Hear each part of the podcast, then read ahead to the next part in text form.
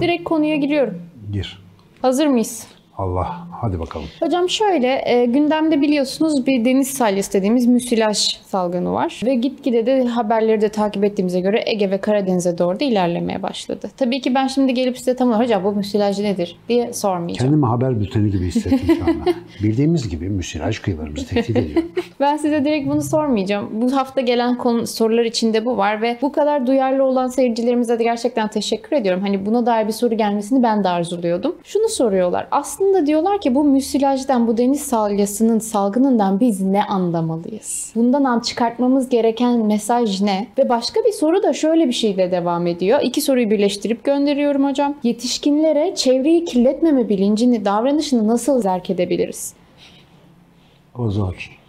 Onu yani yetişkine bir şey zerk edemeyiz. Ama bu tip çevre sorunları e, nasıl diyelim ona işte afetler, çevre felaketleri falan. Şimdi bunların önemli bir kısmı doğal nedenlere bağlı. Bu müsilaj denen de bu arada ismi de berbat hakikaten müsilaj. Deniz salyası Yani da evet. Salya daha beter zaten. Müsilaj en azından e, hani biraz daha bilimsel gibi duruyor ama özellikle İstanbul'da yaşayanlar, Marmara Denizi kıyısında gezenler şu anda isminden daha iğrenç bir şeyle karşı karşıya olduğumuzu görüyorlardır. Gerçekten Martı Batmaz adını verdiğim bir tabakayla kapalı şu anda özellikle kıyı kesimleri ve maalesef oldukça böyle sümüksü kıvamda gerçekten ve sert bir tabaka. Denizin hem altını hem üstünü işgal ediyor. E bu tabii ki nedir diye bakarsanız işte organik temelli, mikroorganizma kaynaklı bir aşırı çoğalma. Şimdi genelde yani deniz kenarında en azından yazın da olsa vakit geçirmiş olanlar bilir. Bir yerde mesela deniz anaları çoksa, deniz anası patlaması varsa orada bir organik kirlilik olduğundan bahsedilir. Şimdi diyebilirsiniz ki ya deniz adasında yani Allah'ın hayvanı sonuçta yani ne zararı olabilir ki diye. Deniz anasının kendisi zararlı değildir. Deniz anasının sayısının aşırı artması bir şeylerin işaretidir. Yani o suda normalde deniz anası sayısının belli bir miktarda dengede tutan bir denge bozulmuştur. O denge bozulduğu için de organik madde artıkları hem yarattığı çevresel stresten hem de aşırı beslenme imkanlarından falan dolayı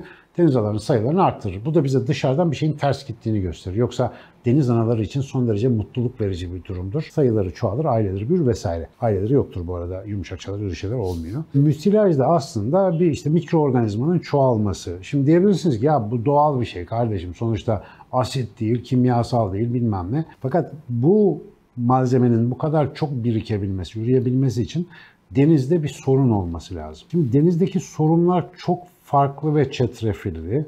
Daha doğrusu bizim çevreyle ilişkimiz çok boyutlu olarak çevreye zarar veriyor. Bunun neticelerinden ve bana sorarsanız hafif neticelerinden birisini şu anda müsilaj olarak yaşıyoruz. Şimdi insanlar genellikle bugün bir şey yaşıyorlarsa ya geçen hafta ya geçen ay ya da en fazla geçen yıl bu konularla ilgili sorumlu olabilecek kişileri suçlama. Özellikle de bunlar devlet kademelerinde, belediyede şurada buradalarsa onlara bir fatura kesme konusunda böyle çok aceleci davranabiliyorlar. Bizim bir kere Marmara Denizi dediğimiz o deniz tamamen hakimiyeti yani bir ülke olarak hakimiyetimiz altında olan bütün kıyıları Türkiye Cumhuriyeti'nin elinde olan bir yer. Şimdi burası bizim aynı zamanda bir iç denizimiz. Malumunuz kuzeyde Karadeniz, batıda daha çok Ege Denizi ile bağlantılıyız. Ve burası hem dünya deniz trafiği açısından çok önemli hem de bizim full olarak bir tamamen bütün kıyıları bizde olan tek denizimiz. Diğerlerinin hepsini de başka ülkelerle paylaşıyoruz. Dolayısıyla buraya ne oluyorsa ağırlıklı olarak bizim sorumluluğumuz. Önce onu bir söylemem lazım. Şimdi bugün çok enteresan bir şekilde yani geçen gün kıyıda gezerken bir arkadaşımızla sohbet sırasında onu anlatmaya çalıştığım şeyi daha dün ya da evvelsi gün sevgili Dücenli Cündoğlu'nun anlattığını sosyal medyada gördüm. Çok da sinirlenerek söylüyordu konuyu. Son derece haklı olarak. Mesela işin şöyle bir boyutu var. Hepimiz böyle deniz kenarında oturup bu dalgaları izlemeyi severiz değil mi? Böyle işte kumsala fış fış romantizmin temel imajlarından bir tanesidir. İstanbul'da bir düşünün. Böyle denizden kıyıya gelen dalgaların vurabildiği ve salınabildiği kaç tane yer görebiliyorsunuz? Böyle kaç tane sahil kaldı? Sahillerin büyük bir çoğunluğu beton bloklar ve bir kısmı da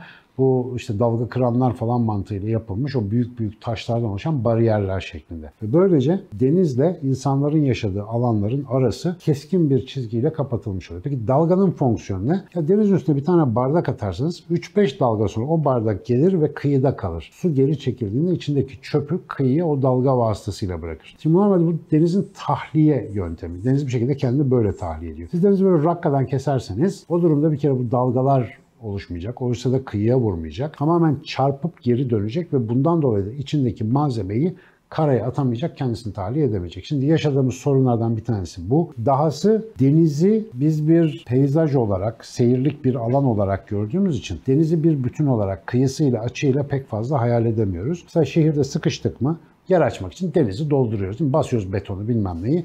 Üzerine yeni binalar dikiyoruz. Eskiden telaşlıydı yani bunun altı su bu kayar falan. Şimdi inşaat teknikleri de gelişti. 30 metreye kazığı çakıyorsun. Dünya yıkılsa ev yıkılmaz. Tamam onda bir sorun yok. Ama problem ne? O denizin yüz binlerce ya da milyonlarca yılda oluşmuş doğal bir yatağı var. Doğal bir sistemi var. Ve o denizin her şeyi ekosistemi, yosunları, balıkları, şunları bunları ona göre ayarlı. Sen kilometrelerce içeri girip de denizi böyle kapattığın zaman aslında denizin kendi ekosisteminden çalmış ve tamamen orayı yok etmiş oluyorsun. E bunun da bir bedeli olacak. Bunun bir örneğini ve çok acı örneklerini senelerdir Karadeniz'de yaşıyoruz. Karadeniz sahil yolu benim çok işimi kolaylaştıran bir proje. Gerçekten harika.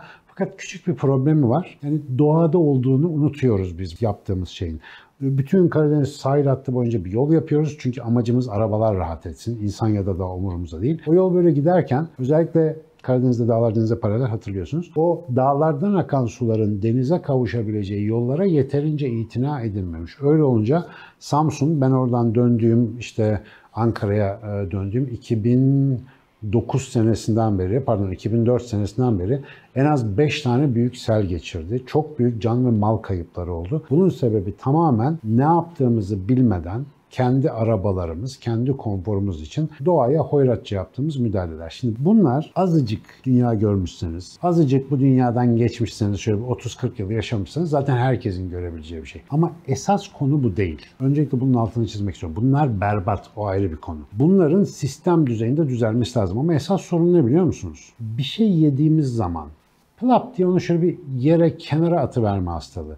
Şimdi bu çok küçük bir şey bir kişi açısından ama düşünün bir şehir var. 15 milyon insan yaşıyor diyelim İstanbul'da. Ya bunların 1 milyonu böyle yaptığı zaman, elindeki bir şeyi atıverdiği zaman ya da efendim elindeki işte o pis suyu denize döktüğü zaman ya da çöpünü bir şekilde kontrolsüz ayrıştırmadan ortalık yere saçı verdiği zaman, pikniğe gittiğinde ortalıkta bir şeyler bıraktığı zaman bunlar korkunç bir birikime sebep oluyor. Ve bu birikim ağırlıklı olarak iki tip kirlenme yapıyor. Biri kimyasal kirlenme, öbürü organik kirlenme. Şimdi organik kirlenme meydanda, o ortamda normalde bulunmaması gereken organik maddelerin, bakın organik diyorum yani muz kabuğu falan bahsettiğim şey, bunların aşırı miktarda doğaya atılması da doğadaki besin dengesini bozuyor. Bu besin dengesi bozukluğu da işte bugün mesela müsilaj gibi gördüğümüz bir şeye sebep oluyor. Bunun arkasında elbette işte o kıyılardır, şeritlerdir, şehirleşmedir, yanlış yapılanmadır bunların hepsini konuşursunuz ama bu kadar kalabalık olduğumuz bir yerde artık insanların bilinçli bireyler olarak yaptıkları en küçük ihmalkarlığın zaten tecavüz etmekte olduğumuz doğaya bir darbe daha indirmek olduğunu fark etmeleri lazım. Müsilaj gibi felaketler, sorunlar bize diyor ki bir şeyi yanlış yapıyorsunuz. Ama biz şimdi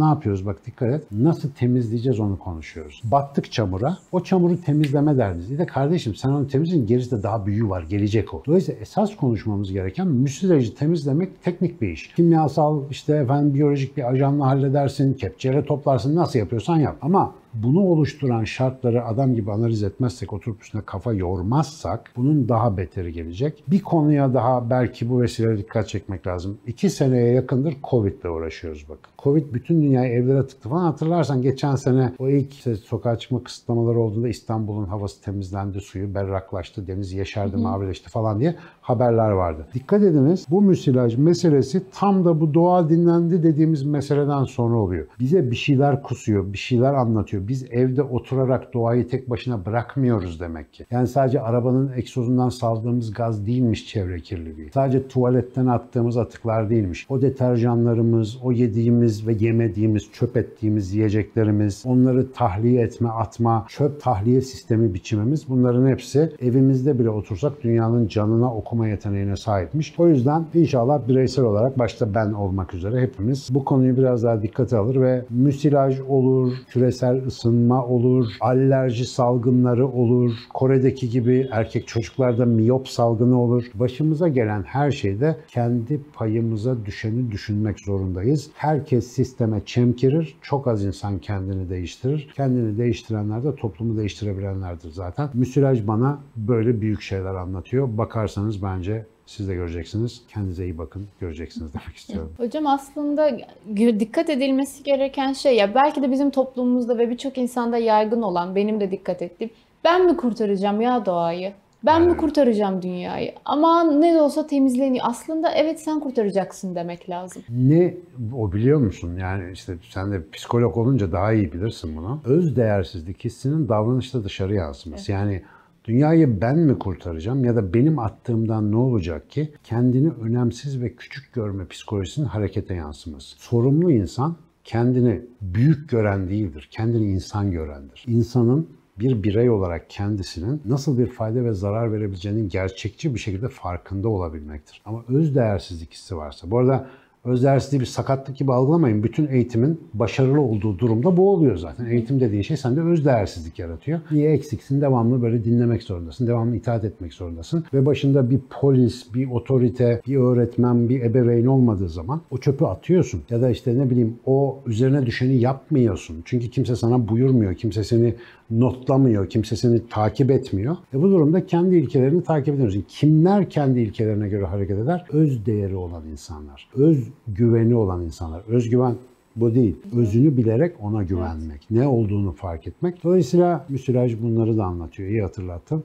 O öz değersizlik hissinin yaygın olduğu toplumlarda da hadi bir de genelleme yapalım. Birilerini sinirlendirelim. Öz değersizlik, öz güvensizliğin yaygın olduğu toplumlarda çevrelerini istilacı gibi talan etme davranışına çok fazla rastlarsınız. Herhangi bir Türkiye'nin kadim şehrini gezin. Herhangi bir yer. Çok az şehir bundan korunabilmiştir. Bugün o şehrin içinde yaşayan insanlar onu yağmalarcasına yaşarlar içinde. Tarihi yapılara saygısızlık ederler, kırarlar, yıkarlar. Güzelim bir medreseyi ya da kale surunu yıkıp yerine toki yaparlar. Böyle kanser gibi yayılırlar. Öz değersizliğin, özgüvensizliğin en açık göstergesidir. Özüne güvenen insan önce geçmişine sahip çıkar önce atasından miras kalana bir dikkat gösterir. Maalesef inşallah bu yolda biraz mesafe almamız gerekiyor. Hocam ben bir de şuna eklemek gerektiğine inanıyorum. Öyle bir algımız var ki bu bahsettiğinizde eşdeğer olarak bir bütünün parçası olduğumuzu idrak edemeyen bir haldeyiz. Bireyseliz, ben zaten çok önemsizim gibi bir altyapıda hareket ediyoruz. Yani ben bunu atmışım ne değişmiş gibi bir hareket biçimimiz var.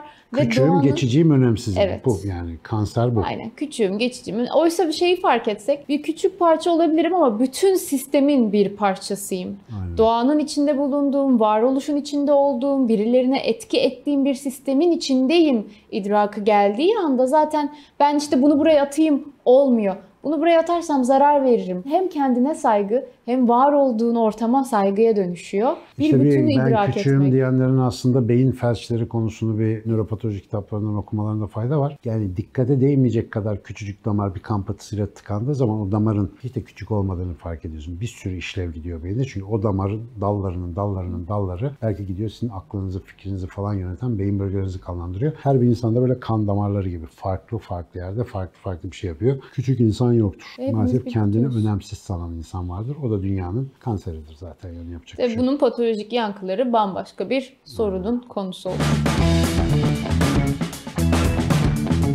Ekran karşısında hareketsiz kalmış, eğitimden uzak düşmüş çocuklar için harika bir haberimiz var. YDS Kids İngilizce Yaz Okulu başlıyor. İlkokul ve ortaokul öğrencileri için aqua park, trekking, okçuluk, at biniciliği, ebru, piknik, heykel, sinema ve robotik kodlama gibi aktivitelerle doyasıya eğlenen çocuklar yoğunlaştırılmış yüz yüze İngilizce dersleriyle İngilizceyi yaşayarak, konuşarak öğreniyor.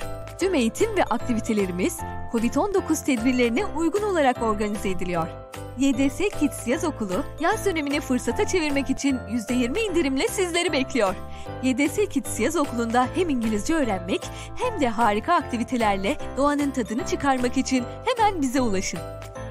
ydsakademi.com 444 9937 YDS Kids, İngilizce öğrenmenin en eğlenceli hali.